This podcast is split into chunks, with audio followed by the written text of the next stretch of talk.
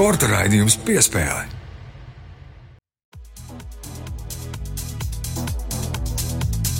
Latvijas radio pirmais kanāls, sporta raidījums piespēle, studijā Mārtiņš Kļavinieks un Mārs Bergs. Māri šodien hokeja raidījums, ledus hokeja raidījums, un kā jau mēs arī raidījuma ievadā sacījām, tad pie Gunāra Jākapsona ciemos viena Latvijas hokeja leģenda Artūrs Irbe, vienas paudzes simbols. Cits nākamās izlases paudzes aiz Artūra Irbas simbols Lauris Dārziņš šodien studijā pie mums. Sveiks, Lauri! Čau, Džeki, un sveiciens visiem radioklausītājiem. Jā, sveiks, Lauri. Uzreiz varbūt sāksim ar tādu jautājumu. Uh, Arturam Irbam pēdējais turnīrs izlasē bija 2008. gada Turīnas Olimpiskās spēles. Uz sitienu neatceros, vai tu jau biji Turīnā vai nebija. Bet vēl, ne. vēl nebija. Bet vai tev ir sanācis ar Artūru uzspēlēt vienā komandā, vai tā būtu kāda labdarības spēle, vai arī tiešām jau profesionāla spēle, nopietnā līmenī? Nav sanācis ar to atrasties tieši, tieši uz. Kaut gan vispār mēloja. Viņš atnāca, kad es biju vēl mazs puika. Viņš atnāca uz Balderu hokeja skolas treniņu un pastāvēja mums vārtos vienā treniņā, bet es domāju, viņš to pats neatcerās. Viņš ir bijis man treneris pasaules čempionātā. Man liekas, tas bija Somijas pasaules čempionāts, kur viņš asistēja Tēdam Nolanam. Bet jā, ar Artūru mēs esam tikušies, tiekamies arī citreiz golfa laukumos, ar Arturu uzturam sakars. Un sestā gadā tieši tā. Pareizi sakot, viņš Olimpijādē noslēdza savu skaitu Latvijas izlasē, bet es sestā gada pavasarī sāku savu skaitu Latvijas izlasē. Pasaules čempionātā debitēja. Precīzi. Bet, nu, tev pati, tu pieņem to, ka tevi dēvē par tās hokeja paudzes simbolu, kas tagad jau liek punktus vai karjerai? Nu, tu biji klausies. Desmit pasaules čempionāti tas nav maz.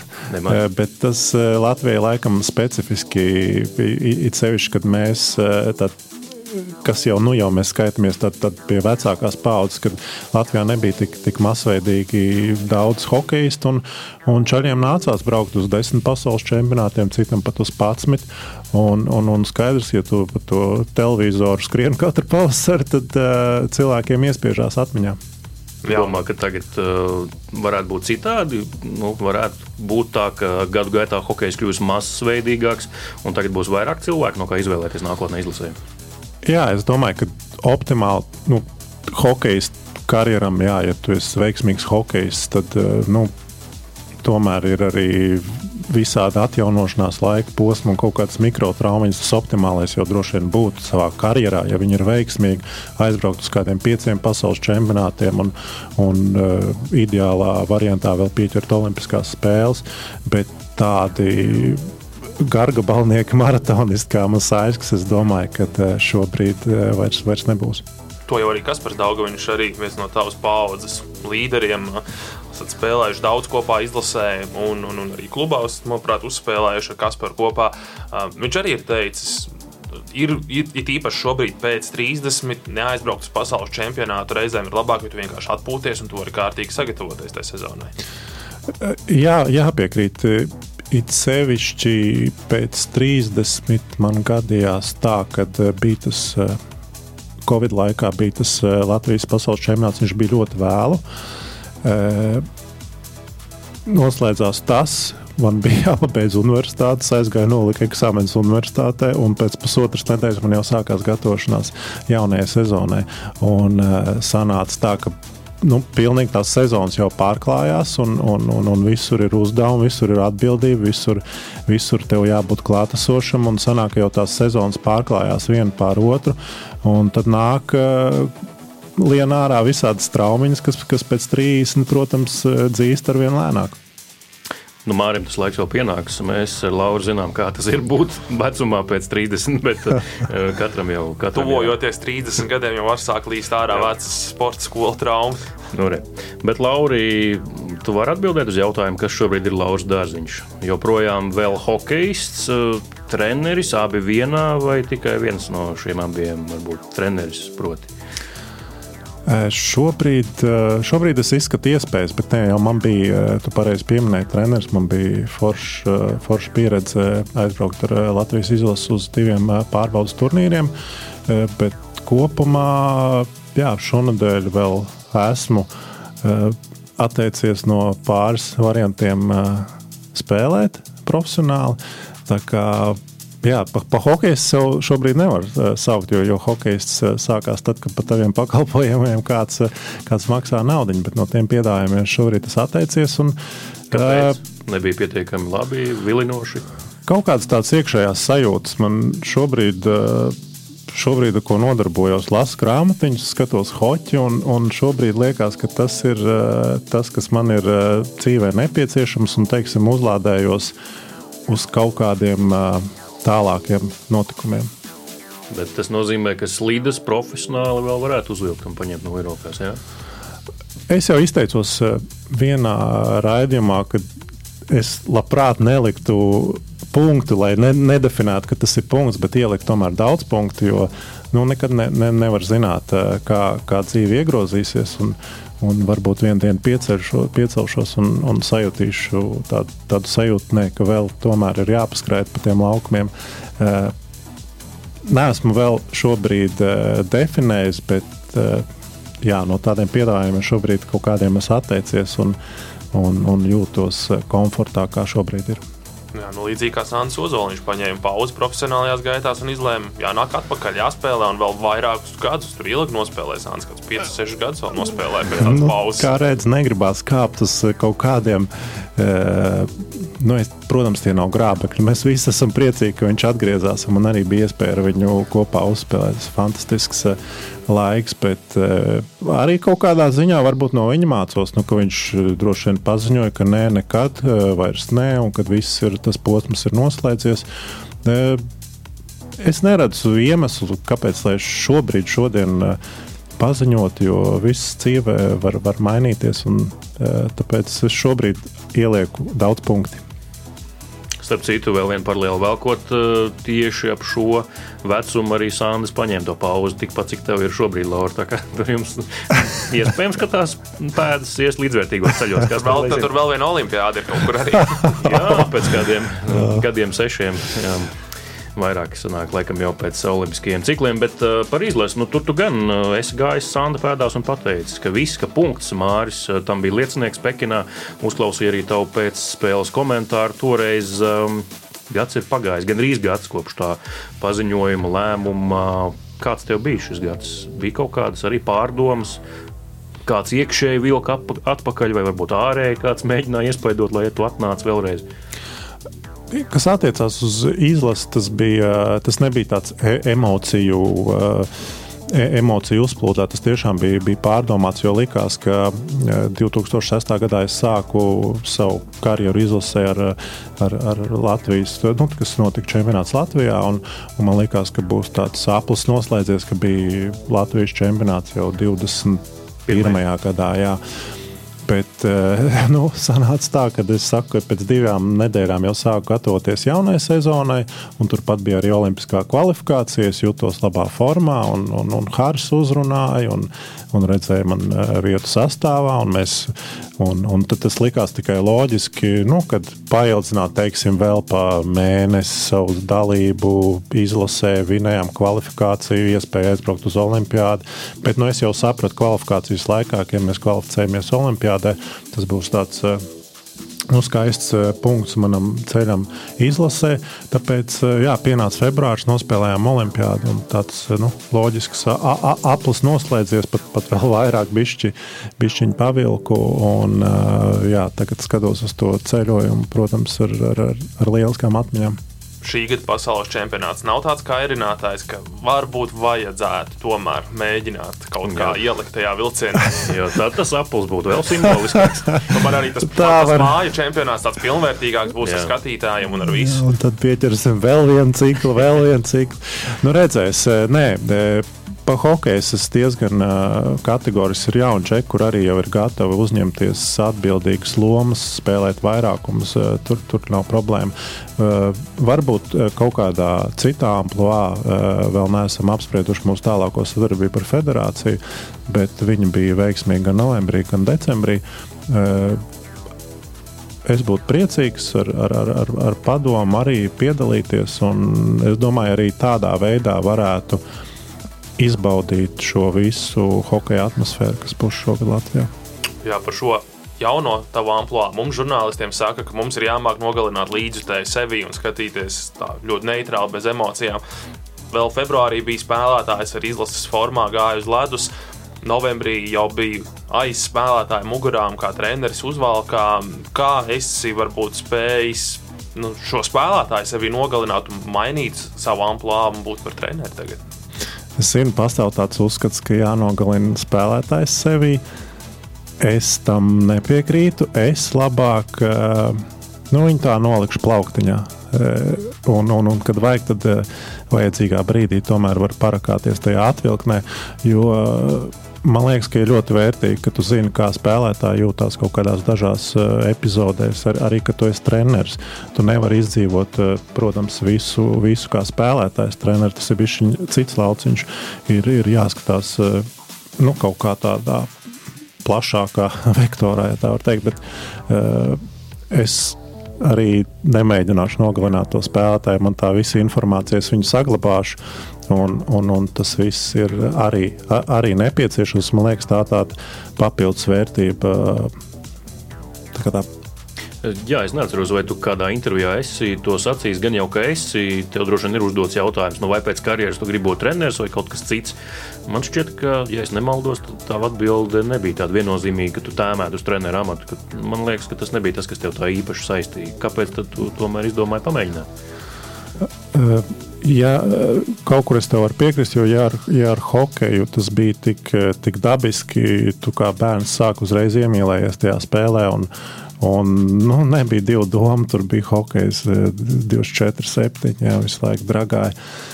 Tad, tad ar trenēšanu ir, ir tā mazliet savādāk. Protams, tev arī kaut kāds spriedums un pārdomas, vai, vai tas ir tas lauciņš, kurā, kurā sev mēģināt, bet tomēr kaut kas man pavilka. Nevēl tas aizgāja uz eh, LSPA, izmācījos uh, par, par treneri. Un, un kaut kā liekas, ka tomēr, ja ir tev 30 gadu pieredze tajā sfērā, nu, tas nav pienākums, bet tomēr dalīties ar tiem jaunākas paudzes spēlētājiem, ievirzīt viņus pareizā uh, tādā, nu, virzienā, man liekas, tur arī varētu noķert uh, baigo kaifiņu un, un to, to, to pievienoto vērtību iegūt abas puses. Tāpēc uh, šobrīd man ir prieks, ka man ir radusies tāda iespēja pamēģināt sevi, pastrādāt šajā uh, lauciņā, un tad jau tālāk laiks rādīs. Galu galā mājās jau var tie viens hokejs saukt tomēr. Tam jau var vajag treneri. Viņam ir savs treneris, kurš ļoti labi tiek galā. Un, bet vispār es arī ar viņiem uh, tur tā reize nedēļā izkāpu uz ledus, pabīdu viņus turp šurp. Bet jā, nu, ko es, ko es varu pateikt? Nu, sportiski ģimene mēs esam. Jā, bet šie divi turnīri, kā trenerim, izmēģinājis roku esi. Kā varbūt tas, kā bija, sakrīt vai nesakrīt ar to, kā tu domāji, kā būs, vai tur ir kādas atšķirības, vai ir, vai ir tieši tā, kā tu biji domājis? Uh, diezgan organiski es visā tajā jūtos jāsaka, jāsaka ir pat, pat, pat pats nobrīnījos. Kas bija, jā, kas bija to pienākumu, ko tu darīji vispār?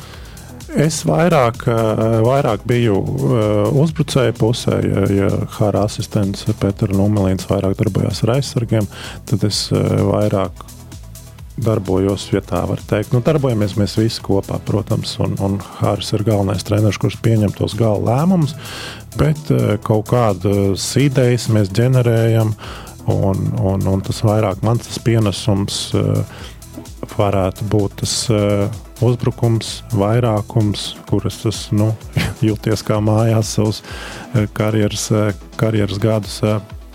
Tāpēc, jā, bet, bet, bet kopumā jā, mēs darbojāmies kā vienots, vienots mehānisms, par ko, protams, gala lēmums pieder galvenam trenerim, bet tas ir, tas ir arī normāls.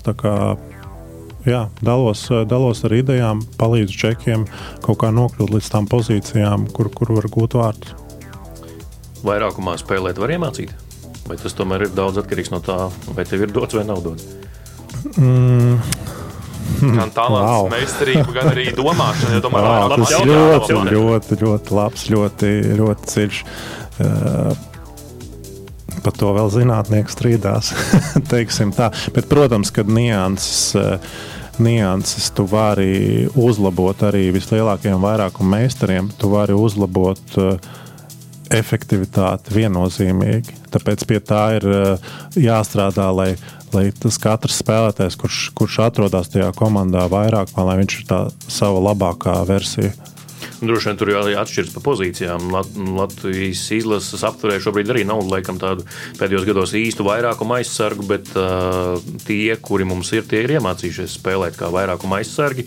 Uvis Balinskis, Jānis Jakstīja labi tiek galā ar šo pienākumu. Jā, tas pats Kristaps Sotnieks arī ir spēlējis, lai viņš tāds aizsardzības aizsargs, bet uh, viņam ir bijuši, bijusi piespiedu kārtā jāspēlē vairākumā. Nu, Sanda Ozolim tīpa aizsargums nav, jā. Jā, bet uh, uzbrucējiem, spēles, saspēles vadītājiem tā saucamajiem, kāds uh, tu esi Laura, tur droši vien eh, tomēr kaut kādam dabas dotam talantam ir jābūt, lai to visu pārredzētu kopumā un atdot to piespēlīt kā konfektītu vajadzīgajā brīdī.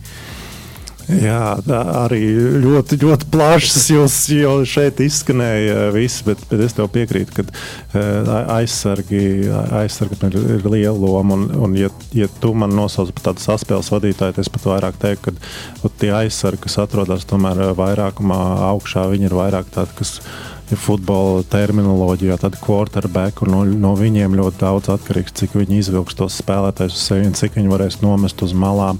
Un tad jau, kad man nomet, tad, tad, tad ir, ir, man, ir, ir man dotības risināt teiksim, to situāciju tālāk. Bet pat pie visa tā, jā, pēc tam ir jābūt vārtu priekšā tādam ļoti. Nu, neaktīvam, bet tādam ar kaut kādu tādu killer instinktu spēlētājam specifiskam. Jā, viņš, viņam varbūt nav nepieciešams kaut kāds šausmīgs tehniskais arsenāls, bet viņam ir arī tā spēles izjūta, kad viņam ir jāatlec kaut kur uz māliņu, vai kad ir jāpie, e, jāpielabo aizsarga vai, vai jau attiecīgi malējo uzbrucēju metiens. Tāpēc tāds jūtīgs temats vairākums un, un uh, lai vai cik labās komandās es esmu savā mūžā spēlējis, vairākums vienmēr ir problēma. Tāpēc pie tā var eh, nemitīgi, nemitīgi strādāt un, un, un noteikti. Es to esmu darījis, arī analizējis video un, un, un savas spēles. Tāpēc man ir, eh, man ir prieks, ja tu atzīsti, ka kaut kas man ir kaut kādā laikā sanācis. Nu, es domāju, ne mēs vienīgi atzīstam to. Jā. Eh, Es nesen eh, noskatījos interviju ar basketbolistu DJ Stevens, kurš spēlē eh, Prometēju klubā Ukraiņas komandā, kas bāzējas Rīgā. Mm, viņš ir tāds uh, spēļu uh, bumbas triecējs grozā no augšas, ļoti tādiem izciliem dankiem izceļas un, un arī tādās uh, interesantās epizodēs prot atrast veidus, kā izcīnīt atlikušo bumbu, uzreiz to triek grozā. Viņš stāstīja, ka viņam kaut kā no bērnības ir tā, ka viņš spēli, tad, kad viņš ir spēles laukumā, redz kā palielinājumā. Viņam ir tāda iekšējā sajūta, kas viņam priekšā pasaka, ej tagad uz grozu, tur būs atlikusi bumba. Spēlētājs varbūt pat vēl nav metienu izdarījis, bet viņš jau virzās uz turieni un jūt, ka būs. Un, uh, un tajā brīdī, kad tas notiekot, kad ir tie skaistie dāņi, skaistās epizodes, viņš it kā to visu redzot palēninājumā. Vai Lauris Dārziņš arī hokeja spēli uz laukuma redz palēninājumā? Uh, tāds ir. Var, var, es viņam piekrītu, tā, tāds ir teiksim, tāds būtu mērķis jeb, jebkuram spēlētājam, lai to spēli, lai tev liktos lēnāk, lai tu pats esi ātrāks, tavs lēmumu pieņemšanas, tavu kustību, dinamika laukumā, respektīvi, lai tu esi ātrāks gan lēmumu pieņemšanā, gan arī pašā kustību dinamikā, lai tu esi ātrāks par pašu spēli, tas ir šausmīgi pievienotā vērtība. Jā, ja tu viņu spēj kaut kā arī nomierināt, ka tev ir ripa, teiksim, tu spēj pacelt galvu. Varbūt, ka tev varbūt nemaz nav tik daudz laika, bet tu spēj tomēr pacelt galvu, pieņemt pareizo lēmumu. Un tas ir, e, atgriežoties jau, jā, tās ir lietas, vai to var iemācīt uh, Nu, tas ir tāds, jā, ir, ir ļoti daudz, kam ir uh, dots no dabas, tādā sajūta līmenī, izvēlēties pareizās pozīcijas. Attiecīgi, tu izvēlēsies pareizo pozīciju, ir kvalitatīvs piespēles, tu pieņemot piespēli, tev uzreiz būs vairāk laiks pieņemt nākamo lēmumu. bet uh, nu, viņš ir, tad, kā lai saka, pateicīgs dabai, ja viņam ir tāda sajūta. Un, un, un, un, un, un, protams, ir, ir vieglāk spēlēt, ja, ja, ja tavā arsenālā. Nu, ne arsenālā, bet ja, ja tu jūties bišķiņ tāds pārāks par spēli, ka tu viņu vari pavērot no malas, nevis ka tu visu laiku skrien pakaļ. Jā, ka tu skrien, skrien pakaļ un, un e, liekas, ka tu kavē visu laiku spēlēt, tad, protams, e, viens sūdi nāk pēc otriem. No.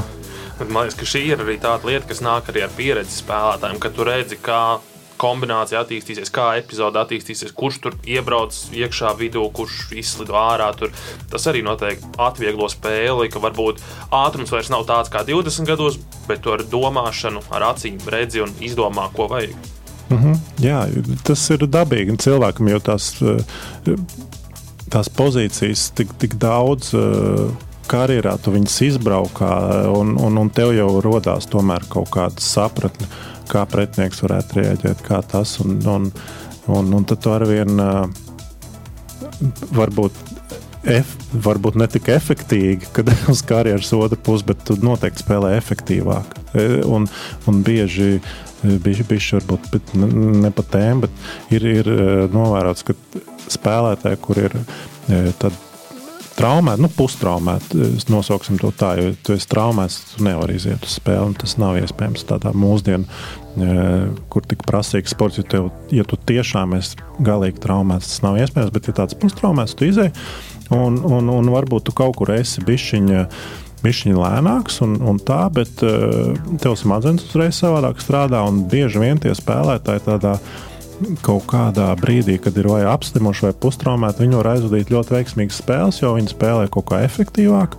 Tāpēc tur arī var eh, parakāties un pameklēt kaut kādas likumsakarības. Jā, nu, bet atceroties 2019. gada Bratislavu spēle pret Čehiju, Laurija, nu, tā bija gan efektīva, gan efektīva tavā izpildījumā.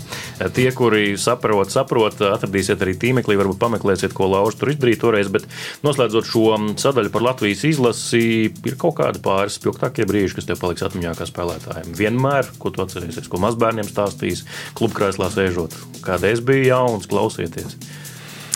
Uh, bieži uzdots, uzdots jautājums, un vienmēr es atceros uh, Vienmēr es atceros, protams, pasaules čempionāti. Un, un man pirmais čempionāts, kurus teiksim, bija kapteiņa godā, man bija 26 vai, vai, vai kā Somijā.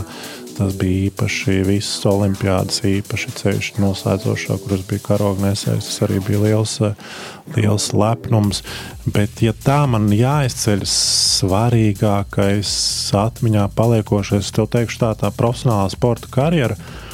Zin, kā ir šausmīgi svarīgi ir viss. Jo man ir ceļš kā uzbrucējiem. Ja es divas nedēļas neiemetu golu, man sauc uz paklāju, man ir uzreiz kritikas vilnis. Tāpēc tagad izteikt, kurš no tiem vārtiem vai spēlēm bija tāda svarīgākā, nu, es tu, tu esi tādā pastāvīgā. Nu, Ne, ne, ne stresā, bet nu, pastāvīgi tev ir atbildība parādīt to savu sniegumu. Tāpēc viss ir īstenībā ļoti svarīgi. Un kaut kāds goliņš, varbūt, kas, kas kur cilvēki neatcerās, vai, vai, vai, vai pašam varbūt kaut kāds nav nekas tāds īpašs. Bet no otras puses, tu esi trīs nedēļas braukājis par tūkstnesi, komanda neuzvar, pats tu neko nevar iemest. Un tad kaut kādu tu tur ar papēdi, tur acitienā iemet, un viņš ir šausmīgi svarīgs. Un, iekrīt, un cilvēki mēsliņš. Vai ne? Tāpēc uh, baigi grūti ir tā, kā izcelt. Nu, bet tās olimpiādas un, un čempi, protams, ir īpaši. Bet varbūt tas nav kaut kas no laukuma, varbūt tas ir kaut kas, ko mēs pat neesam redzējuši, dzirdējuši. Es ar Tedu Nolanu runāju pirms kāda laiciņa, un viņš sacīja, viņš pastāstīja to, apmēram, kā viņš jūs uzmundrināja pirms spēles pret Kanādu. Viņš stāstīja to stāstu par lielo koku, kurš aug pagalmā, un tad ne jau to ar vienu cirtienu to lielo koku nocirtīs. Bet, ja mēs pa cirtienu viņam visi ar cirvīšiem mēģināsim, tad kaut kad tas lielais koks kritīs. Nu, tad varbūt kaut kāds tāds epizodes ir palikušas atmiņā. Nezinu, Piotra Vorobjova riepu vilkšana pirms tavu debīšu čempionātu vai kaut kas tāds. Tēdam vēl bija, tēdam vēl bija, man liekas, viņš mums stāstīja, bija tā, bija tā filma Dumšs un Dumāks.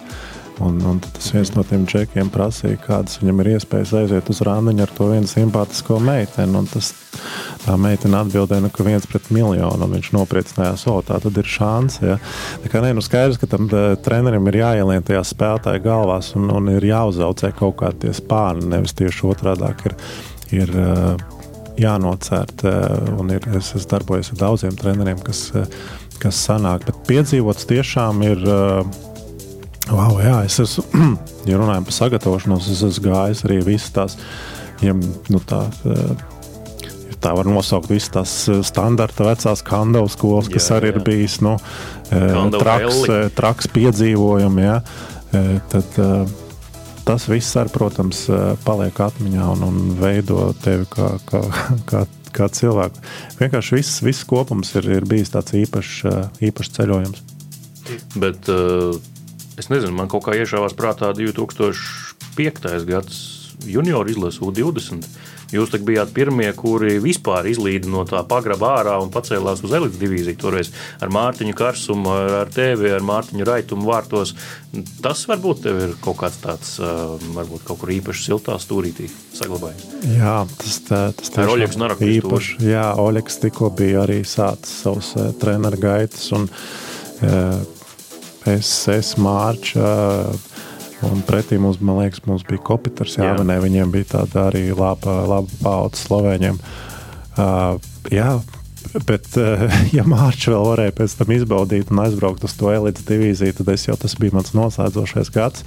Un uh, nākam, nākamajā es jau vairs pēc vecuma tiem kritērijiem neatbildu 20 un uh, nevarēju aizbraukt. Bet, nu, aizgāja kā uzvarētājs, labi, B grupas uzvarētājs, bet nu, vienalga eh, noslēdz savu junior, junior gaidu kā, kā uzvarētājs. Tas bija tiešām uh, prieks, prieks, ka tu atcerējies, uz, uzjundīji atmiņas, jo tas tiešām bija īpaši uh, arī Skanjādas junior līgā aizbraucu. Mūsu komanda bija iepriekšējā gadā vinnējusi, un viņi staigāja tad, tā kā metru virs zemes, tad viss tad pacelāt. Es domāju, es ar tā gribu. Un, un pienāca decembris, mēs vinējām to B grupu, un, un es dabūju tās emocijas. Viņas aizvedu atpakaļ vēl uz eh, Kanādu, uz to mūsu komandu. Un, un tur vēl viss tā uzlādējāmies no viss tā, ka vēl vienu reizi komanda, kuras pārstāvēja Kanādā, vinēja junior līgu. Tas arī man ir iespiedies atmiņā. Nu, droši vien pieaugušo izlasē daudziem no mums paliek prātā Sochi Olimpiskās spēles, ceturtajā fināls pret Kanādu. Tas bija īpašs vakars arī tagad, pirms šīs sarunas, noskatoties spēli ar Kanādas sabiedriskās televīzijas, televīzijas komentētājiem. Tad viņi saka, ka nu, šis ir vakars, kur tu salas punktus, uzlabo savu statistiku un sagatavojas pusfinālam. Kā tu to vakaru, Laura, atceries? Tu biji pēdējais, kurš kanādiešiem iemeta tajās Olimpiskajās spēlēs. Tuvu, tuvu mēs bijām. Mums bija laba, laba izlase. Tiešām labi. Sāns bija atgriezies un arī Koba, kurš bija Koba jau redz, iesēja kaut kādu vājprātu kanādiešos jau pirms spēles. E, viss tā bija labi saucies, bija labi noklāpta komanda. Pirms turnīra arī nebija lielas uh, traumas. Man liekas, visi pieejami uz to brīdi, visi bija pieejami. Bija laba komanda, bet ne tikai mums bija laba. Arī vispārējie pretinieki bija maksimāli labos sastāvos. Un, e, jūs pieminētie kanādieši arī bija pilni ar komandu kapteiņiem savā NHL komandās un bija iespaidīgi sastāvi. Bet mums bija kaut kāda ticība, ka tēda novēlējuma vārdi, kurus mēs jau apspriedām pirms brīža, gan arī pašs tas parādītais sniegums kaut kā Eh, kaut kā bija, bija sajūta, ka, ka var sadarīt lielas lietas. Un arī no, jā, varbūt no mēdīņa puses vai, vai no tā, varbūt tas viss tā likās ka te viss ir skaidrs, bet arī parunājāt pēc tam ar tiem pašiem kanādiešiem, jo Olimpijādē visi vienā ēdnīcā vakariņu, un nu, viņi teica, ka klausies, tu tur otrā periodā uz, jo tur sāka viss e, smirdēt diezgan, diezgan traki. Mēs zinājām, ka jo ilgāk tas rezultāts būs līdzīgs, jo svāra kaus iespējams varētu pagriezties uz mūsu pusi. Tāpēc e, jā, no viņa teiksim, tā, pēc spēles bija ļoti atvieglot, ka ir, ka ir tikuši, tikuši tālāk. Jā, jā viņi tur izvilka pašā beigās, tikai tie vārti bija uzvarēti. Kaut kur desmit minūtes līdz beigām, man liekas, otros iemet. Jā, tur šeit Webers tur iemet no distances, bet par saviem vārtiem pastāst, tā bija uzzīmēta kombinācija toreiz, kā tas tika izpildīts. Jā, paveicās. Nu, kā paveicās? Parastā kombinācija tiek, kad, ka tu gribi izglābt spēli, kad iemetiens ir savā zonā. Šeit varbūt kanādieši negaidīja kaut ko tik tādu neordināru, jo spēle bija iesākusies, iemetiens bija vidējā zonā. Bet, kas mums nospēlēja pa labi, bija reklāmas pārtraukums. Tāpēc vienmēr treneris dod kaut kādus norādījumus reklāmas pārtraukumā. Un, uh, iemetiens bija pie mūsu beņķa. Izdomājām, ka varētu to izdarīt šobrīd, pirmā perioda, man liekas, vidus vai kaut kas tāds. Un visi ļoti labi zināja, kurā brīdī kas ir jādara pie uzvarēta iemetiena. Jā, kam arī, man liekas, tā spruktam spēlē uzreiz aizgāja labi ar iemetieniem. Un mēs domājam, kāpēc nē. Tāpēc jā, viss notika tādā mirklī, un, un, un, un Arčs Kulta deva labu diagonālīti man. Bija, bija jāpieņem. Pieņēma ripu, un Kerijs Press jau tajos laikos viņš jau klients bija. Tā es junior līgā man ar kaut kā vienmēr pēc viņa izdevās uh, rezultatīvas spēles. Bet, bet, bet, protams, Vācijs meistarīgs viņš to arī pierādīja tālāk, turnīra gaitā, ka viņu vairs vārds uh, neielaida. Un viņa NHL karjera arī ir cepurnos, bet kaut kā pret viņu man ir vienmēr veiksmīgs sanācis spēlēt. Jā. Kur, kur viņam jāmet? Viņš, nu, viņš pateicīgi, viņš teiksim, sāk sekot manām kustībām. Ir, ir vārds, ar kur ignorē, ko tu rādi. Viņi nerespektē, viņi vairāk spēlē tā geometriski pēc tā, kas būtu pareizi. Tur viņas smadzenēs ir grūtāk tikt, bet uh, Kerijs viņam ir laba reakcija, viņš var izsekot spēlētājiem, bet, uh, bet man liekas, ka tomēr ja viņš sāk sekot tādām manām kustībām, tad es esmu kontrolēju viņu varbūt soli priekšā. Šeit tā Soču izlase, nu, jūs visi tava paudze, jūs bijāt labākajos gados ar pieredzi, bet eh, vēl tajo, tajā vecumā, kad arī spēks ir savā pilnbriedā. Vankūverā bijāt tuvu gan pret Čehiem, tur kaut kur nesenāca tās beigas, un Sočos tas bija tas laiks, kad jūs paudzi izšāva. Jā, vēl nu, bija tāds. Eh, bija, bija bija, bija, nebija arī traumas. Tiešām tā komplektācija, nu, nesauksim to par sapņu izlasi vai kā, bet uz to brīdi, kas visi bija pieejami, viņi bija. Jā, un vēl bija tādā tieši tā pilnbriedā. Mēs bijām salīdzinoši, nu, kā jauns čeki, cik mums bija nu, kaut kāda 25, 26, tad hokejs tāds ļoti labs vecums ir. Un arī pieredzējušie meistarīgie spēlētāji, viņi bija 36, 37, ka vēl ir spējīgi spēlēt tajos tempos, piedāvātajos. Viss salikās veiksmīgi, arī, arī Vācijā, gan, gan, gan Masāla, gan Gudijs. Uh, atzīstam, nospēlē. Tāpēc jā, katram tam ķēdes posmam jau vajag būt jaudīgam. Jā, nu, daudz mēs apspriežam šo spēli pret Kanādu, bet eh, nu, tā spēle tomēr tika zaudēta. Es zinu, ka mm, jau pieminētajam Kristēnam Gudļevskim, jeb Gudim, eh, ārkārtīgi nepatīk, ja šo spēli nu, kaut kā daudzina vai izceļ piemiņu. Viņš saka, nu, kā jēga priecāties, mēs taču zaudējām, vajadzēja uzvarēt. Bet eh, tas, protams, ir tas gars, kas, kam sportistos ir jāmājo. Un, un mēs tāpēc arī gribam parunāt ne tikai par hokeja garu, bet arī tas, tas temats, kas, ko uz kā pamatiem mēs gribētu arī balstīt šo sarunu, ir hokeja izmaiņas. Mēs pieskārāmies tikām no apmēram tavas karjeras eh, sākuma profesionāļos, pēdējā gada junioru izlasē līdz eh, nu, apmēram Sočiem. Parunājām arī, protams, par pēdējo gadu nedaudz. Šajā posmā, no 2005. 6. gada līdz eh, šodienai, tie nu, aptuveni gandrīz jau 18 gadi. Kā hokejs ir mainījies šo gadu gaitā, kā tu domā? Kā, kādu hokeju spēlēja, piemēram, 2007. un 2008. un kāds tiek spēlēts tagad. Kas ir tās izmaiņas? Jo daudz runā apkārt, vai kā hokejs ir mainījies īpaši pēdējos piecos gados. Tas vairs nav tas, kas bija. Ir tā? Cik mums ir laiks, kādas trīs stundas ir vēl? Protams, tas ir. Ārā, tikmēr varam runāt. Nu, klausies, nu sāksim ar pašiem pamatiem. Ir, ir mainījies, ir, ir laukuma izmēri, ir pavilktas tās zilās līnijas eh, vairāk uz vidu. Nu, tāds akcents ir, lai, protams, lai tā ir kā kā hokejs, arī kā izklaides sfēra, ja, lai viņš ir arvien skatāmāks. Ja, skatītājam pašu laukuma izmēri ir mainījušies, un arī, arī tie aktieri, kas spēlē to spēli, ir mainījušies. Gan viņu sagatavošanās, gan viņu visi uzturi, gan trenēšanās, gan, gan arī nu, gal galā visas tehnoloģijas, spēlētāji, treneri, video, video analīzes. Ja, ja, ja mēs runājam par tādu laika posmu, nu, tur 5, 6, 7 gadā es atceros, mums tur uz Nārukas ar, ar Hāri mums bija tās VHS kasetes un kaut kādas spēles momentus, tinām turpu, šurp, atpakaļ skatījāmies. Tagad savus karjeras pēdējos, nu, sešus gadus man pēc spēles ir visas manas mājas, var pastīties visus, kā es teiksim, iemetienos stāvēt. Tas viss ir klikšķu attālumā, un, un tā video analīze ir, ir, ir aizgājusi ļoti tālu. Tas, protams, ir atņēmis kaut kādu hokeja romantiku arī, jo ja agrāk tev treneris pateica, tu tur gāji, turēji vienkārši pateikt, es tur negāju, un, un tur bija tādas kaut kādas konflikta situācijas, bet viņš tas hokejs bija tāds dzīves. Tagad, tagad protams, te, tu nevari vairs noslēpties. Tev tu, tur pusmetriņš tur vai pusmetriņš tur, tas viss ir, ir redzams.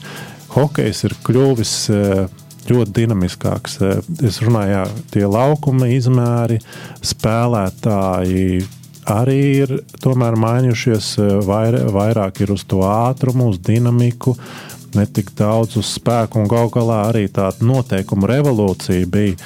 Kad vairs nevarēja turēt to spēku, tāpēc arī tas ātrums kļuva tik ļoti populārs. Jo ja tu spēji tikt prom no tā spēlētāja, agrāk varēja kādreiz varēja uzāķēt ar nūju. Uzāķēt, apķert, un, mm. un tas arī ir ļoti saudabīgi. Ja? Nu, tie ir tādi nu, pieskāros virspusē tādām galvenām lietām, kas ir pamainījušās, bet, protams, tur vēl dziļāk katrā var iedziļināties.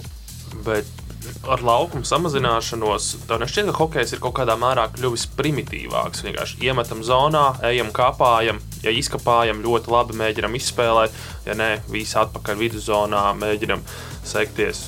Nav tā tāda sajūta, varbūt radusies. Tur ar tas romantisms ir kaut kur pazudis.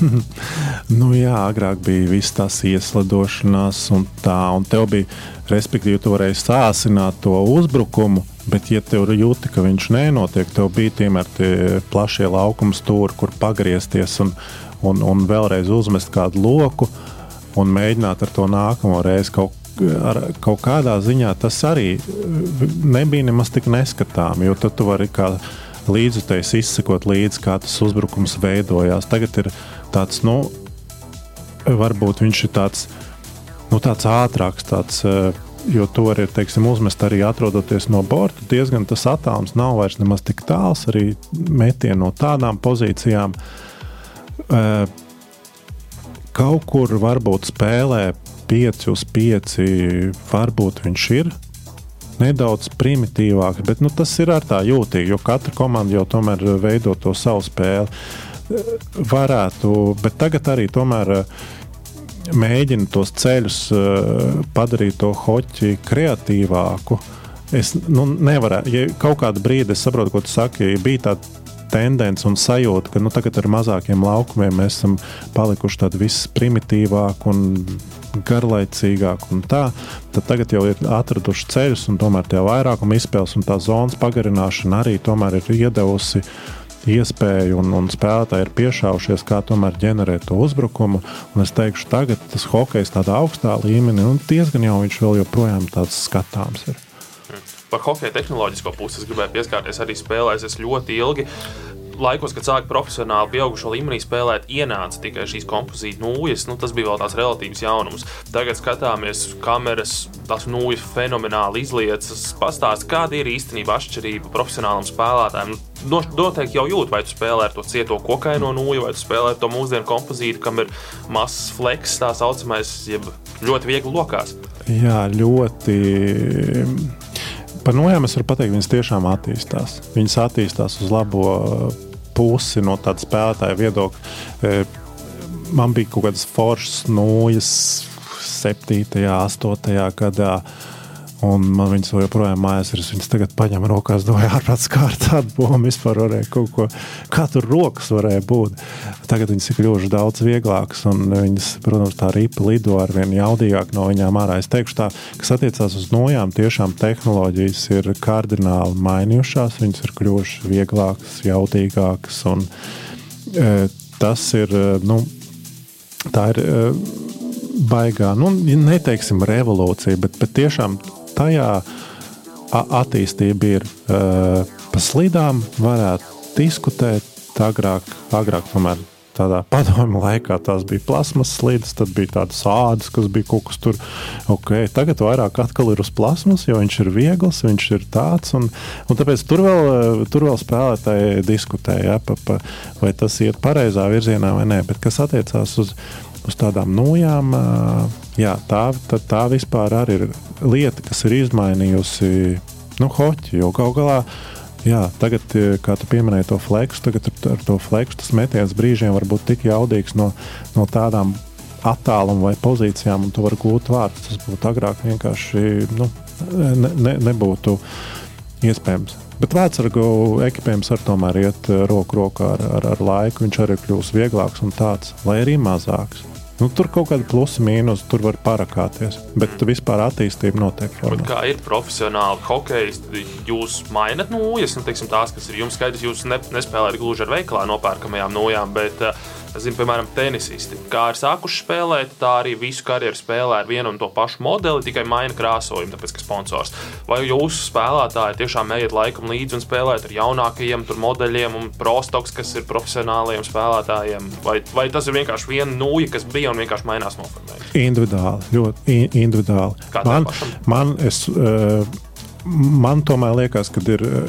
Nūju evolūcija ir, ir, ir laba. Respektīvi, mans tas, tas izliekums, kas salīdzinoši katram spēlētājam ir tāds, nu, diezgan individuāls, pie kā viņš ir pieredzējis. Tos spēlētāji pārāk nemaina. To, kā tu e, uz rūpnīcu aizsūti savu mīļāko variantu, viņu, viņu teiksim, iegrāmato. Un tad ir jautājums par tām e, nūjas e, nu, e, īpašībām. Ja? E, un, un, nu, es esmu piefiksējis, ka tomēr e, tie jaunākie modeļi man tās īpašības ar vien labāk patīk. Ja, ir tad, ja mēs runājam par nojas cietību, nojas vai kāds ir kantains vai, vai, vai apaļīgāks, vai, vai uz viņa ir uh, grips, ja, kas neslīd vai nē, tas varbūt man lietas ir palikušas, bet tieši kas, uh, tie, tādi, tie kompozīti materiāli, kas izšķir nojas vieglumu, uh, tur es esmu gājis laikam līdzi. Bet to, ko tu teici, ir arī gadījumi, kas ir sākuši savas uh, karjeras, nu, pat bieži vien tādi snaiperi, kas ir izteikti snaiperi, varbūt ne tik daudz tur tehniskie, kur ar rokām, kuriem vajag vieglākas nojas vai kaut kā tā, bet kur ir snaiperi, kuri atrodas tādā vairākuma punktā tieši uz tādu metienu, uz kaut kādiem mantaimeriem. Viņiem ir ļoti svarīgi, lai ir tās vienādās sajūtas. Un viņi tieši kā tu saki, viņi maina tikai noju krāsojumus. Bet visas tās pārējās nojas īpašības ir varbūt nu, pat jau 12 gadu veca modeļa e, nu, tādā, tādā līmenī, bet viņš ir mēģinājis kaut kādas jaunākas, un viss, un tā ripiņa vairs, vairs nelido tur, kur viņš grib. Tāpēc tas ir tāds individuāls, individuāls e, katra vēlme. Man šķiet, ka tam pašam Sandim Ozoliņam tas bija stāsts, ka viņš bija pateicis īstenam, sūtiet man veco modeli, aplīmējiet ar jauniem uzlīmēm, lai izskatās pēc jaunā, lai jūs to varat pareklamēt, bet es spēlēšu ar to pašu, kas bija.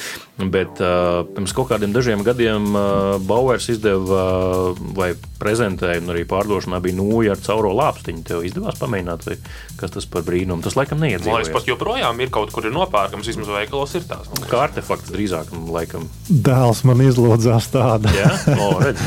Jā, bet es arī es neredzēju īsti, kur ir, kur ir iegūms no tā. Kaut kādā varbūt, nu, respektīvi, ja tu tīni izolācijas lēntu pa virsmu, nu, kā visi spēlētāji, nu, tad man liekas, iegūms tur vispār ir nulle. Jo, jo tu aiztini vienkārši to, to, to caurumu ciet, ja tu mēģini kaut kā aplipināt apkārt nu, varbūt kaut kāds no fizikas likumiem, ka tu vēzē un tur gaiss iet cauri, tad tas vēziens varētu būt ātrāks. Varbūt tur kaut ko viņi ir mēģinājuši. Jo savādāk man liekas, tas tomēr vairāk bija tāds kaut kāds estētiskais šoks, uz, uz ko vairāk redz paķert eh, tādu bērnu, bērnu auditoriju eh, nekā drīzāk profesionāli. Jo man liekas, tādā profesionālā vidē viņš, viņš nav tas modelis pārāk iedzīvojies. Jā, nu, profesionāli arī par, tinum, par tinumiem runājot, tagad jau arī var redzēt, notin tikai lāpstiņas apakšā, apkārt lāpstiņā neviens, nu nevis neviens, bet ir spēlētāji, kur lāpstiņa apkārt netin vairāk, tikai apakšu pietin. Es esmu bijis uzticīgs tinumam uh, visu savu karjeru. Uh, no teviņa. No... Tā kaut ko būtiski maina tas, kā tu notiri. Nu, es visu laiku tinu apkārt lāpstiņā, un es visu lāpstiņu pilnīgi. Jā, precīzi, es tāpat. Un man kaut kā jā, un pat tomēr metienus vairāk izdara ar, ar, ar lāpstiņas. Galu, atkal tādu piespēlīt, ja mēs sakām, tādu nu, pāri pretinieku noiet ar, ar mērcīti pišķiņu. Ja to vairāk ar lāpstiņas papēdīt, man patīk, ka tās sajūtas visur ir tādas vienādas. Ja? Bet, bet ir kas tinpūs lāpstiņu, ir kas, ir kas spēlējās ar krāsām, balta vai melna. Tas arī tur vārdsargiem ir savs, savs teorijas, kuru, kuru viņiem vieglāk redzēt. Jo, jo, jo citu vārdsargi, ja ir melna ripa uz melnas izolācijas lenta, viņa it kā, kā pazūd nedaudz no skata. Tā pašā laikā atkal balta uh, lenta, viņa saplūst ar ledu. Atkal tu neredzi, kādā leņķī stāv tā no. Man acīm vizuāli vienmēr ir bijis skatīties uz leju, kā patīkamāk uz baltu lentu, jo es it kā man tā acu roku koordinācija vienmēr ir bijusi laba, un es jūtu, kur tā noja atrodas. Respektīvi, man nevajadzēja tādu melnu līniju, lai es redzētu, kur man tieši tā noja ir. Man galvenais bija redzēt, kur ir ripa. Un, un, un ripu es redzu, un noju es jūtu. Man tā kombinācija, balta lenta, melna noja strādāja visu, visu karjeru, un to tinumu un, un, un lentes krāsai es biju uzticīgs visu savu apzināto karjeru. Jā, nu, redzēt, CCM arī baltu noju uztaisīja tieši lai vārdsargus mānītu, lai viņi neredz, kā, kā ir noja nolikta, kādā leņķī vai ko tu gribi darīt. Tagad ir arī modē daudzi vienkārši krāsas baloniņu nopūš, teiksim, trīs ceturdaļas apakšā no, no nojas bal, ar baltu krāsas baloniņu, lai arī jā, kaut, kaut, kur, kaut kur tiktu jā, vārds ar galvā tas, ko Kaspars Daugoņš darīja jau 2006. gadā. Nopūt gan nulli, gan slīdus. nu, tas bija vairāk. Čau, es esmu Kaspars, es esmu ieradies šeit. arī, arī ļoti iespējams, jā. Bet, um, nu jā, tehnoloģijas gal galā arī pārējā ekipējumā ir mainījušās. Nu, tomēr nu, tie pār, tās pašas ķiveres, dažādi aizsargi, plecu sargi, bruņas, vispārējais. Mm, ir attīstījies, uh, es zinu, ka arī jau daudzkārt pieminētajam Sandim Ozoliņam, nu, viņam bija, nu, viņam bija tas vecais CCM katliņš, ko viņš tur valkāja. Dināmo vēl spēlē ar Colorado biksēm, tur vismaz augstu arī, no Colorado biksēm, kas vairāk kā desmit gadus vecas bija. Tad, kad Elkonis vairs vispār neļāva spēlēt, tad tomēr piekrita nomainīt Elkoņu sargus mm -hmm. beigās. Tev arī ir kaut kas, pie kā tu ārkārtīgi turies no tādām formas detaļām, vai tu tam neesi tik, tik ļoti pieredzējis? Uh, Plecusargs vispār ir jūtīga tēma tādā profesionālā hokeja vidē. Tiešām ir ļoti daudz vecu plecusargu. Man arī es esmu visu karjeru ar vienu plecusargu nespēlējis. Jā. Kaut kā viņam ir jau pa bortiem mīts, tur jau 15 gadi, viens plecs sargs, un esmu mēģinājis nomainīt kaut kādiem jaunākiem modeļiem. Nē, nespēju. Bet... Karsumam vispār, man liekas, viņam Fāters nopirka, viņam bija kaut kāda 15 gadu plecs, ar nopirkt pa lielu, bet viņš šo šai dienai ir izpildījis. Bet tu viņu tā kā atsvaidzini, remontē kaut kā pieši. Jā, viņš ir, viņš, ir, viņš ir diezgan ciets un, un šūts un tā. Uh, plecu sargs ir, uh, plecu sargs ir jūtīga tēma. Jā, kas vēl bikses? No bikses vispār uh, arī bikses, tomēr tā visa tā biomehānika. Uh, nu, tāda, un, un agrāk viņas bija tādas ļoti tādas pilnas un nu, ļoti. Es uzskatīju, ka viņās ir grūti pasludot. Un tad bija tas, nu, cik daudz es griezīšu no viņām ārā. No. Un, jo, jo tev tomēr ir kaut kāds spēles epizodes, ka tu bloķē metienus un tā, un tad ir tas atrast to vidusceļu, ja, lai tev ir viegli kustēties, bet tajā pašā laikā tas nekļūst pārāk traumatiski. Bet, uh, Bet, tu zini, es teikšu tā, nu, jā, tā, bet es saprotu arī Sānu, ka viņš slidoja tajās biksēs, jo viņas jau bija ievalkātas un tā. Un, un, un, bet, nu, ja pa manīm, tad es domāju, no tā bikšu aizsardzības konstants tur kaut kāds 70% no vienmēr tika izgriezt ārā. Celīši tie gan laikam prasās atjaunot reizēm. Celīši ir uh, nepatīkami, ja ir, uh, ja ir ja tieši tā, ja ripa trāpa un pārplīst tās plasmas kapsulas vai bišķiņi ieplīst, tad jau viņas aiziet, aiziet pa, pa vīlu un, un viss viņš sā, bet, bet vispār arī ceļsargi, arī es teikšu, profesionāliem hokeistiem, viņi ir drīzāk nolietoti un veci nekā katru gadu atjauno un, un, un jaunas modeļus. Ņem. Jauns ir slīdas, ķīveres, Sandim, jā, bija, bija specifiski tā, bet ķīveres arī, es domāju, spēlētāji diezgan maina cimdi, arī diezgan maina. Bet tieši tāpat tāda forma, jā, plecu sargi, ceļu sargi, ļoti daudz spēlētāju pat nospēlēt 10, 11 gadus. Jā, par vēl vienu varbūt tādu tehnoloģisku jaunievedumu hokeja, kas ir nevis inventārs, bet vienkārši tehnoloģisks jaunievedums uz soliņa augsta līmeņa līgās. Atnāk treneris ar planšeti un tev parāda, lūk, te tu tur izdarīja tā, vajadzēja tā vai vēl kaut kā. Kā tev patīk šis jaunievedums? Tas ir labi, ka tev treneris uzreiz to nomainījies tikko un tev tagad rāda epizodi. Kā, kā tu vērtē, tas ir labi vai slikti?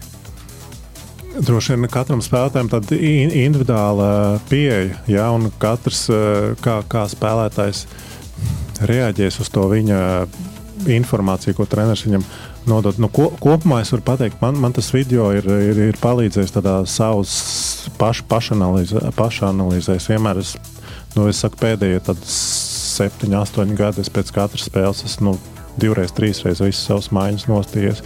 Un, un tas, tas ir man tas ir vērtīgi. Cits atkal ir vairāk tādu, tam hoķim pieiet tādā vairāk sajūta līmenī. Viņam varbūt tā bilde kaut kur var arī pamaisīt. Uz pēņķa, nu, Es nezinu, tur ir tāds jūtīgs, jūtīgs temats.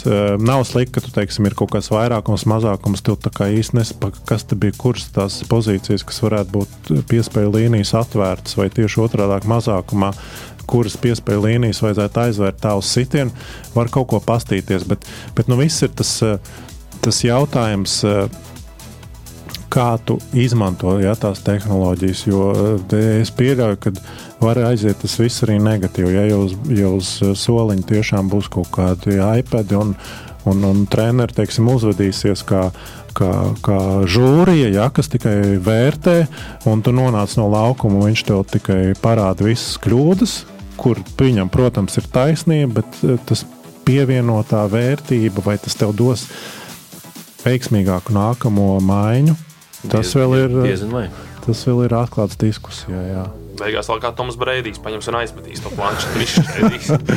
Nu, tādā ziņā varbūt palīdz. Reiz viņš nopsiho, izlaiž garu, atspērs viņam izlido no, no, no smadzenēm, un atkal ir jauns cilvēks nākamā epizodē. Noslēdzot par tehnoloģijām un formu, viena no tavām firmas zīmēm ilgus gadus bija arī kape, bet pēdējos gados vairs tu to nelietoji. Kāpēc? Nē, nē, es ar, ar, ar kapi vispār vairāk pat sākumā nelietoju, bet tad kā visiem hokeistiem agri vai vēl sanāk to ripu apēst. Un, un man arī trāpīja pa zobiem, izdauzīja zobus un uh, sanāca. Uh, sanāca kaut kāda, kaut kāda implanta arī ielikt, un, un tad tam, kad tev ir implants, tomēr, kad tu spēlē, tu bieži arī sakot zobus, un tad prasās, lai ir tā kape. Tas nebojā ne to implantu, ne to tavu sakodienu, un tas vairāk no tāda netur gluži, ka, ka tev tagad trāpīs. Uh, Un, kad tev pasargās, tāpat es tev teikšu, tā ir trāpa ar ripu, tur kāpa, ne kāpa, tur tāpat viss šķīst un, un, un plīst. Bet tomēr nu, tādās kaut kādās spēles epizodēs, kur tu cīnies, kur tu sakot zobus, e, nu, viņi vienkārši tev sargā gan, gan tavus implantu, sakodienu, varbūt tik daudz nenodrūp tie zobi. Tāpēc vairāk tas, tas, ir, tas ir kaut kas tāds. Nu, kaut kāda pētījuma arī tomēr ir par tiem smadzeņu satricinājumiem tiem es arī neesmu gājis ar, ar, ar līkumu, tāpēc tā kape likās kā, kā, kā nu, kaut kas tāds, ka, ka, kāpēc ne, un ja viņi diezgan uh, uztaisa profesionāli, tad es neteikšu, ka viņi maisīja. Mm. Jā, bet... Man liekas, Miķels teica, ka viņš atteicās nelietoja, tāpēc viņam galva sāk sāpēt. Jā, un citiem ir vienkārši kaut kāds svēmšanas refleks. Mm. Jā, bet nu, tā arī es saku, ja, ja, ja to profesionāli uztaisīt ar labiem daktariem, tad viņi var uztaisīt tādu maigāk, kaut kādu īsāku, ar, ar labākiem materiāliem. Viņi praktiski nejūtīgi, bet ir spēlētāji, jā, kas visu mūžu nospēlē bez kapēm. Bet tas stereotips arī ir mainījies. Tas kādreiz bija stereotips, bet ne tikai stereotips arī dzīvē. Tā bija, nu, ka īsts hokejs ir vismaz bez diviem priekšzobiem. Tagad, tomēr, līdz ar arī nu, dentālo tehnoloģiju attīstību, tā tomēr nav vairs. Saša Nižavīs, Latvijas hokeja spožākais smaids. Jā, nu šobrīd Renārs Krastenbergs no izlases spēlētājiem laikam bez viena priekšzoba. Jā, nu, redz, nu, citam atkal piestāvs kaut kāds brutālais, kaut kāds hokejists tēls, bet, bet nu, hokejs cenu, kas viņš ir kļuvis aktieris, preci, kuru kur iegādājās, un citreiz es nezinu, nu, varbūt. Varbūt, ja viņš grib tikt uz kādu modes žurnālu vākt, tad viņam ir jādomā, spēlēt ar kapēm vai nē. Bet, bet kaut kas tur jau, protams, iet līdzi, jo es zinu, man uh, ir, ir teiksim, ausu sārgi. Ja? Nu, ir, ir ķivers un, un auss ir spēlēts. Nu, pa lielam visiem profesionālajiem spēlētājiem auss ir vaļā. Bet viņas jau varētu arī nebūt vaļā, jo ir tāda ausu tāda, tā kā, tā kā aizsarga. Nu, izstāsta profesionāls spēlētāja viedoklis, ka izstāsta muļķīgi. Bet, nu, teiksim tā, nu, man no metra vienreiz iešķēla pauze, no uzlika kaut kādas 30 šūnas. Nebija patīkami. Tad es domāju, nu, klausies, vajag to ausu sargu uzlikt to ausu sargu. Nu, pēc divām nedēļām, kā vienmēr cilvēkam tas ir viss aizmirstās. Protams, puskomanda tev izsmēja, ka tev ir kaut kāds ausu sargs, un es viņu izņēmu ārā. Tā kā, tā kā kaut kāds apkārtējos spiediens arī varbūt kaut kādā brīdī dažus uh, pabīd uh, tajā vai šajā virzienā. Jā, nu, hokejam jau tā ir modes lieta. Tas ir daudz ir stāsts par to, kā spēlētāji pirms spēles stāv pie spoguļa, ķemmējas, smuki. Lai Aleksis Kovaļovs, laikam, manuprāt, ir tāds, kurš vienmēr ir izcils apfrizēts, vienmēr iznāca uz iesildīšanos pirms, pirms spēlēm, kad vēl ķivers nebija jāvalkā iesildoties. Jā, iesildoties. Ceļš NHL to var iesildīties bez ķivers. Un, un tad gan jau ka pievērs uzmanību, bet hokeistiem tomēr ir Futbolā vēl laikam izteiktāk, tev tur tomēr ir himnas, tev tur rāda to plāns. Nu, koķī tev ir tur ok, tur viss tev tas ātrums, mati plīvo un, un nu, uzvelc ķiveri. Neviens tur arī tas, tas nav, nav tik izteikti. Jā, Olivija Žiru, kā viņš notur savu frizūru spēles laikā. to daudz apskauž, jā. Bet, laikam, man liekas, arī kaklusargi nav iedzīvojušies vai ne, jo nu, juniori lieto, vai viņam obligāti jālieto, es pat nezinu. Un tad pēc tam profesionālajā hokeja laikam tā tāda reta parādība. Ir pat vārdsargi, manuprāt, kas nelieto kakla sargus. Jā, ot vārdsargi klausies. Es, eh, Es nezinu, ir kas nelieto kaklu sargus, kas ņem arī tos, kas karājās zem ķiveres, tos arī nost un spēlē vispār bez nekā. Bet tā bija modes lieta, man liekas, vienā brīdī vārdsargiem, ka bija tas plasmas, tā kā vēl zem ķiveres. Nu, bet man liekas, arī, ja tu kaut kur glābi situāciju un lec pāri, tev jau vienalga, nu, tas tu kā izstiep tā kaut kādā pozā, tu esi. Nu, nu, traki vispār vācam, ja pa to kaklu jātrāpa. Tāpēc uh, es brīnos, ka daži spēlē bez. Uh, hoķi junioru vecumā obligāti ir jābūt kaklasargiem visiem spēlētājiem. Un tās profesionālās līnijas, man liekas, arī es pieļauju, ka Somijā ir jābūt obligāti. Viņi tur vienmēr spēlē kaklasargiem. Tu zini, kā es domāju, ka viss jau iet uz to, ka lēnām šo jauno paudzi pieradina pie kaklasargiem, pie kapām. Un, un, un visticamāk, ka drīz aizies uz to, ka viņiem būs obligāti jāspēlē. Tā kā agrāk, ja jūs atceraties, vēl kaut kāda NHL gada 90, tur jau ļāva vēl dažiem bez ķiverēm spēlēt. Mm -hmm. nu, ļāva, ok, tu visu mūžu spēlēsi bez, tad nospēlē. Bet nu, jauniem tur līdz kaut kādam vecumam būs. Es domāju, ka tagad jau ar to ekipējumu tāpat iet, ka tā vairs nebūs kaut kāda kaprīza izvēle. Vai es varu spēlēt bez kakla sarga, vai es varu spēlēt bez kapas. Bet nu, pagaidīs, ka tie vecie buki beigas, un tad jaunie būs jau apradināti ar tām drošības reformām. Un, uh, Un es domāju, visus to iet. Tāpat jau, man liekas, bija arī ar uh, vizieriem. Ar jā, ar stikliņiem, jā, jo Sandis Ozoliņš vēl daudz tās paudzes spēlētāju spēlē bez stikliņa. Precīzi.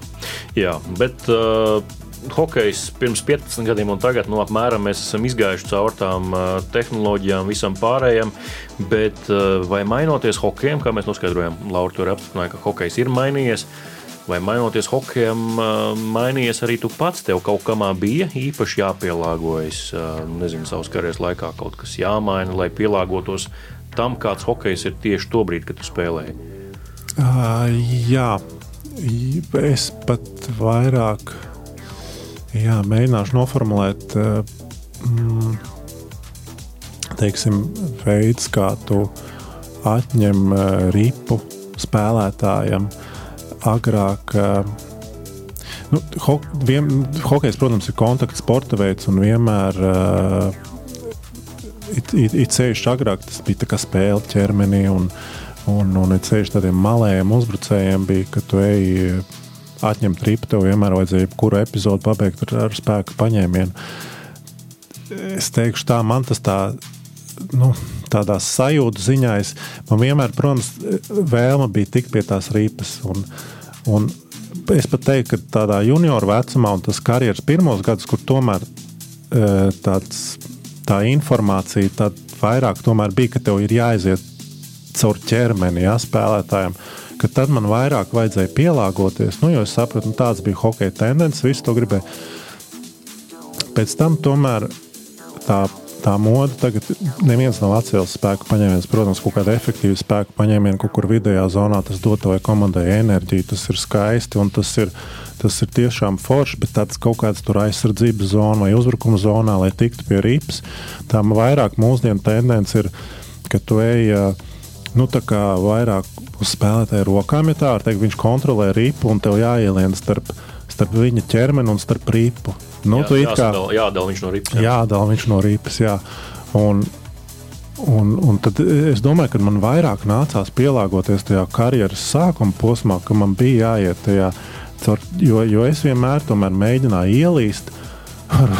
es varu teikt, ka es jau varbūt kaut kādu spēlēju, nu, nu neteiksim, nākotnes hokeju, bet tas man bija tāds, man likās daudz, daudz pareizāk. Un šobrīd tā leņķošana, ja tā tā var nosaukt, ja, nu, viņa ir Nu, kaut, kaut kāds tā ir viena no niansēm. Ja? Nu, ir, ir un, un, un vēl, vēl, vēl tāds ir, bet nu, šī ir, ir viena, kur nācās kaut kā adaptēties un, un, un, un, un meklēt, me, me, meklēt sevi, lai būtu tāds produktīvs un, un gal galā, lai, lai komandām, kuras tev ir paraksts, lai tu viņus apmierinātu ar savu sniegumu. Mm. Droši vien arī tu arī stāstīji par to pašu um, kārtīgo, vai pat to nevar nosaukt par kārtīgo fizisko trenēšanos, bet uh, tādu pārspīlēto um, trenēšanos uh, šajās vasaras nometnēs, sagatavošanās laikā. Tas jau arī gadu gaitā mainījās. Tā pieeja, nu, ka nevajag tev obligāti celt 200 uh, no krūtīm, lai būtu hokejists un spēlētu. Es uh, nesen tieši man uh, meklēju kādu, kādu nākamo grāmatu, palasīt, un, un, un pārlasīju. Man bija Nešvils uh, Predators, kas, komanda, kas man draftēja. Nu, 4. un 5. gada treniņu programma, kā visu vasaru trenēties. Un tad tu redzēji, cik tālu ir aizgājis, kā viss ir nomainījies. Jo, jo tur tieši nu, tur vairāk bija uz tādu, kas tev veicinās muskuļu masu, muskuļu apjomu. Tad, protams, tagad vairāk ir uh, uz tādu, lai tu esi dinamiskāks, lai tu esi ātrāks. Protams, arī tur ir vajadzīga tāda. Nu, Ātruma izturība tieši lai tu varētu tās 30, 40 sekundes noturēt to dinamiku. Uh, tas noteikti ir, ir mainījies komplektā gal galā ar visu uzturu. Kaut gan uzturs, kas uh, grāmatā bija pieskārts pa uzturu, tur jau diezgan pareizas lietas jau bija tajā laikā. Un arī priekš tā laika tur jau nebija nepareizas lietas, jo tas hoķis bija mazliet statiskāks. Bija, Atcerieties, bija kaut kādi bija lielie bifeļu aizsargi, viņi to vārtu priekšu, viņi tur varēja paņemt to spēlētāju, iemest stūrī. Nu, klausies, tās tagad ir divas minūtes, tāpēc arī es tu komandās tādus baigos bifeļus aizsargus neredzu, jo drīzāk ar tādu leņķošanu, ar kustību viņš spēja būt produktīvs. Jā, vai tu pats uh, savas karjeras laikā vedi tādu, nu, nosauksim to par grāmatvedību, ko es daru, kad es daru, cik daudz es daru, kāds ir rezultāts. Un droši vien pēc tam jau kaut kāds pielāgošanās attiecīgi no tā izējot arī tika veikts. Jā, darīju, un ar to jau šausmīgi grūti bija sadzīvot. Jo, jo, jo bija tā, ka, nu, respektīvi, man tās vislabākās sezonas ir bijušas, kad es esmu visu to sagatavojuši, tos posmus atraumēts un ka es esmu pats gatavojies. ja es esmu sekojis visam, kam, kam, kam saka, kas jādara, man vienmēr tie septembris un oktobris ir diezgan lēnas tās ieskriešanās. E, bet nu, ir jārespektē, tas ir komandas sporta veids, un ir viens sagatavotības, fiziskās sagatavotības treneris, ir, nu, ir, ir, nu, kuri ir atbildīgi, ja, ir, viņiem ir plāns. Un daudziem jau tas plāns strādā nu, globāli, bet, bet, protams, būs spēlētāji, kuri varbūt klausot pilnīgi visu. Nu, viņš pie tās sezonas pienāks savā labākajā formā. Un, teiksim, pēc tam ķermeņa sajūtām es jūtu, ka es citreiz kaut ko daru. Jo, protams, nu, ir jādara, nu, ko tu pateiksi, nē, es nedarīšu, nu, un tu dari. Uh, Bet tu saproti, ka tu vienkārši gandē sev, un tad, protams, grūti ir ar sevi uh, sadzīvot, ka tev jau ir kaut kāda informācija galvā, kur tu zini, ka te varbūt nevajadzētu to, vajadzētu tā, bet, bet nu, jā, tas ir. Uh, grūti, jā, grūti ir. Apzinos, ka arī grūti ir 30 cilvēkiem tādu individuālu pieeju rast. Bet, bet tas, ir, tas ir, protams, no ideālā variantā, protams, jo katram ir jābūt savai labākajai versijai. Jā, nu, droši vien no laikiem Krievijā tur var šo to pastāstīt arī Oļegs Rokins, sporta centra komraidījumā. Eks tur dalās ar savu pieredzi. Kazaņa, cik es atceros, vismaz tā bija tāda komanda, kas it kā no vienas puses ir fantastiski apstākļi nodrošināti, bet kad ir vasaras nometne, tad ir kā kazarmas. Nu jā, bet uh, pirms Laura laika Kazaņā tur bija Biļģīnovs, bet pēc tam nāca Krikonovs. Tad jau viss mainījās droši vien. Jā, man no parakstīja, uz... manī, jā, jā, jā, es iepatikos tieši Biļģīnovam, bet viņš eh, tad sāka vasarā strādāt ar, ar Krievijas izlasu, viņam neļāva uh, apvienot klubu ar, ar izlasi, un sanāk, es aizbraucu uz, uz Kazaņu, un tur apstiprināts bija Kriknovs.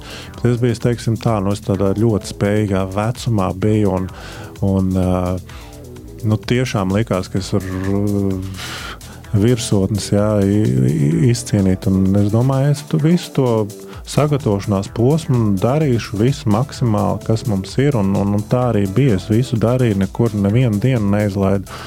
Bet no objektīvas septembrī izbeidzos.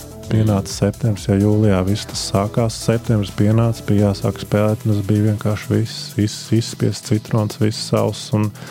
Un, un, un, gan, gan svars bija pazudis, gan jauda nebija vairāk kājās. Tāpēc tas ir tāds, bet bija jau, saprotu, bija daudzi, kuriem tas palīdzēja. Viņi uz tās bāzītes viņi nobrauc visu sezonu. Tāpēc, nu, nu, tie ir vienkārši fakts, kurus var konstatēt. Tā bija, bet nevar arī pārmest. Nu, skaidrs, ka bija jābūt kaut kādai treniņu programmai. Viņi bija, daudziem viņi palīdzēja, bet uh, objektīvi es izbeidzos pildot visu, ko man lika. Jā. Uh, un uh, vēl tu jau pieminēji Nešvilu un Nešvilas Predators. Jā, viņi tev draftēja. Tu laikam arī uz nometnēm brauc pie viņiem. Jā. Uh, cik vai kad bija tas brīdis, kad tu biji uz tuvāk varbūt līgumam ar viņiem. Tas pats gads pirms Kazaņas. Tur es kaut ko esmu dzirdējis par divu virzienu līgumu ar NHL. Jā, bija. Nu, tas bija diezgan tuvu. Tur ne, pie apgājuma jau ne tikai viņa bija, bet tur bija arī citas komandas. Tas bija ļoti nenoteikti. Tas bija divu virzienu. Tad mans arguments bija, nu, čāļi man ir 26, 27 gadi. Tas diez vai kļūšu daudz labāks. Nu, mm. Tas ir. Nu, Tas ir tāds, kāds es esmu. Jūs liekas, ja jums tas nepieciešams, nu, viena virziena līguma, tur viena kāda izdomājat. Tad, nu, tāds eh, neviens nebija gatavs man dot vienu virzienu, tāpēc tur tā, tā, tā, tā izvēle diezgan likumsakarīga bija. Kas attiecās, ka es biju jaunāks, jā, bijusi uz nometnēm, nu, tur viss. Uh, Viss sakot, bija kaut kādi lokauta gadi, uh, bija kaut kādi jā, kad jau tā kā liekas, ka jau vilciens tur bija aizgājis, vai kā. Es, nu, ne, es nevaru teikt, ka es tajā laikā biju e, baigi tuvu. Kaut gan arī viņi man nodraftēja, nezinu, 9. raundā vai kā, un es atbraucu uz to nometni un, un ļoti labi sev pirmajā nometnē parādīju. Uh, Viņi domāja, ka tādu pērlīti atradām 9. raundā un, un sastāstīja, cik viss ir forši. Bet tajā pašā laikā man bija plecs problēmas. Man ielika kā, pārbaudīt tajā magnētiskajā rezonansē. Tur jau varēja redzēt, ka man vajadzēs operāciju nākamajā pusgadā. Nu, respektīvi, es biju tāda bijusi jau sabojāta prece, lai arī talantīga. Bet, nu, tas ir bizness, un viņi to pērk kā preci, pēc tam viņi to lieto. Un, un, un viņi jā, nu, nevēlējās man iegādāties tajā vecumā. Kaut kāda interese parādījās 26, 27 gados, bet tad jau atkal no manas puses vilciens bija aizgājis. Nu jā, nu gal galā amerikāņiem ir raksturīga šī nu, kā saka, kā saka, salda mēlē vienmēr visos laikos bijis kapitāls, un viņi to māk izmantot. Jurim Štālam taču arī New York Rangers stāstīja, ka viņš būs bez maz vai pirmās maiņas spēlētājs. Un tik labs, tik labs, nu, gluži tā nesanāca. Jā, nesagaidījām Jurijs Tālu Rangers sastāvā un daudz citu latviešu hokeju citās NHL komandās, bet runājot sarunas noslēgumā par to, kur hokejs vispār virzās, nu redzam NHL, tur fantastiska rezultātivitāte rezultātīvākajiem spēlētājiem, Makdēvids iet uz 160 punktu sezonu un tā tālāk. Tavuprāt, kur vispār virzās mūsdienu hokejs? Kāds tas būs tuvāko, nezinu, piecu gadu laikā? Uz ko, ko mēs ejam, kādā virzienā attīstāmies? Ja tā ja tā ļoti nu, tā vienkāršoti, un principā jau vajag visas tādas sarežģītās lietas vienkāršot, tad arī daudz ko var, var, var atklāt. Bet eh, no agrāk hokejs bija ļoti atklāta tāda spēle, neparedzējama atklāts. Ja? Pēc tam nāca kaut kāda New Jersey Devils. Nu, ja, ja bija atklāts, tas bija Oilers, Grēckis un viņa vinnēja Stanley Kausu. Pēc tam bija tāda kā revolūcija, Jersey Devils aizsardzības hokejs, viss noslēgts arī vinnēja Stanley Kausu. Un kas interesanti, hokejā ļoti tāda kultūra ir, kad viens no otra špiko kas ir veiksmīgs, un tad špiko, un tad visas komandas sāk spēlēt to aizsardzības hokeju. Un tagad ir tas aizsardzības hokejs, nu, klausies, ja viss spēlē, nu, kur, kā, kā tad mēs varam vinnēt? Jā, viss ir tādi, tādi atkal aiziet uz to, kad kaut kur vajag kaut kādu pienesumu, kaut kādu, kaut kādu odziņu, bišķiņu to spēli atklāt. Nu, tad jau atkal ir mode, visu špiko tā, nu, teiksim tā, kur viņš virzās Es nojaušu, bet negribu atklāt. Gribu arī paturēt, tomēr kā treneris visas savas gudrības grib atklāt, un Trumpis arī kaut ko pie sevis. Bet nu, katrā ziņā viņš tagad ir, eh, kurš pirmais uzsvers to balansu starp tādu atklātu hoķi un, un, un tomēr aizsardzību. Tad tas, tas, būs, eh, tad, tad, tas būs veiksmīgi, kas, kas, kas mācīs to balansu atrast. Jā, nu par to spīkošanu mēs varam parunāt atkal par tiem pašiem vairākumiem. Tā pēc laidnieka noliek spēlētāju vidū starp četru stūri, Breidens Points, viņa Nikita Kučerovs, viņi tur pamainās. Un tad spēlē uz to vidu. Tas tagad ir ļoti hokeja iegājis vairākumā tā kombinācija uz metienu tieši no četru stūra vidus. Precīzi, jā. Bet jūs nevarat taču Romu spēlējāt jau kad jau. nu, bet saprot, jā. Viņi jau noliek uzticēju vidū tam Romam. Nu, jā, jā un, un, un, un tā ir špikošana. Un viņš bija tik ilgi veiksmīgs, ka Znarks pēc tam pats mūs satika un čurtojās. Es jums viņu iemācīju, es pēc tam nezinu, kā pret viņu spēlēt. bet saprot, vienai komandai sanāca pret mums kaut kā nospēlēt. Un viss, un pārējie špiko. Tā, ko tie darīja, kā lai izjauktu to tur. Un viss saprot, sāk špikot. Un, Tāpēc tas ir. Eh, bet, lai vai, ja tu prognozē, tomēr, ka viss spīkos, tad man liekas, ka tā treniņa būtība tomēr būtu bijusi to solīt uz priekšu. Ja tu gribi būt tāds veiksmīgs, nu es saku, kaut kur tev ir jāsaprot, kas būs tas nākamais solis, kas varētu būt tā jaunā tendence. Bet nu, to es pie sevis gribu vēl Tad redzēsim, varbūt Latvijas izlases izpildījumā to jauno tendenci. Var jau būt, jā. Jau būt. Es, eh, protams, es reiz ar visu esmu gatavs eh, dalīties. Man, man Latvijas hoķis vienmēr, vienmēr ir mīļš un, un izlasēja manas, manas idejas. Man nav žēl. Bet uh, es atceros, uh, vēl pašā, pašā nobeigumā par šo arī pabeidzot, uh, runāju ar Francisu Anzelonu. Bija tāds uh, amerikāņu treneris Latvijas junior izlasē, Kārlis Zirņš palīgs vēl pirms pāris gadiem.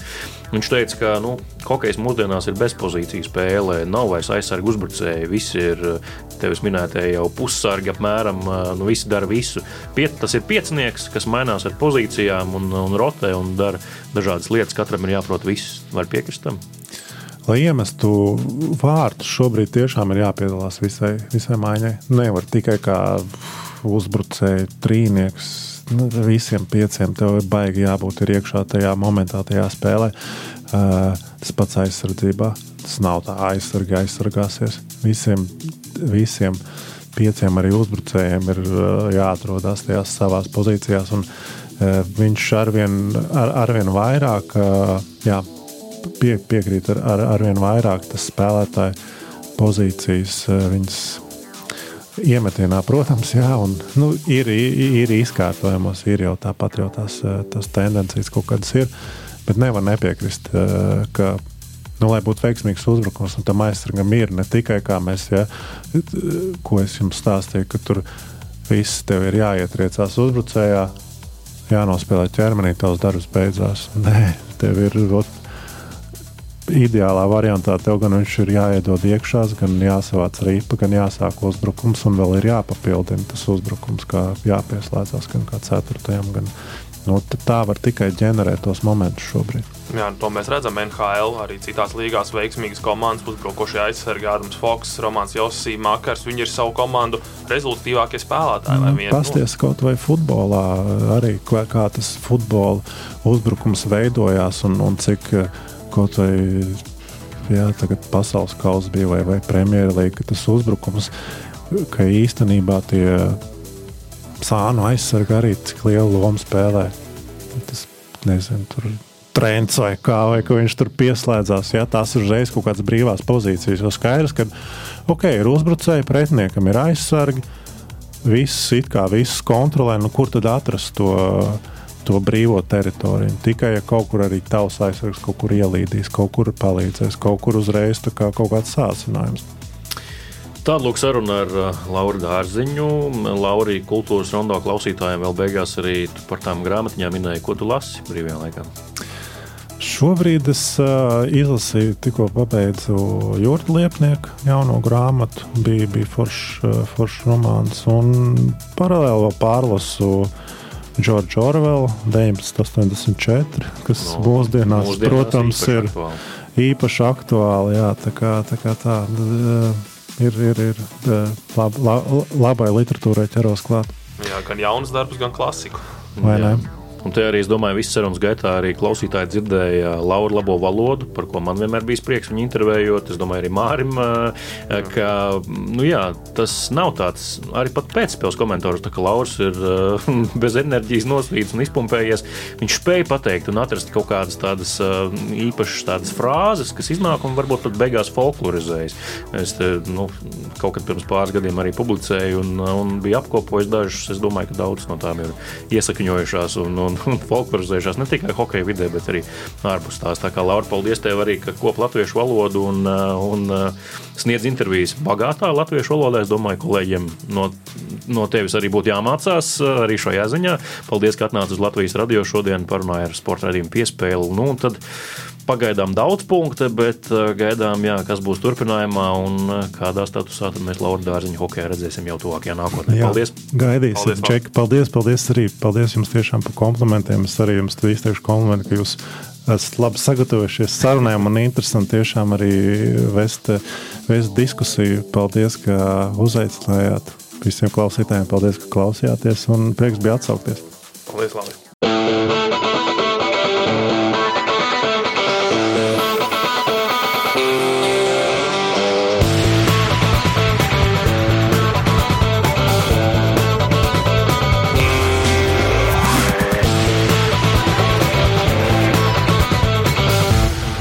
Sporta raidījums piespēlē.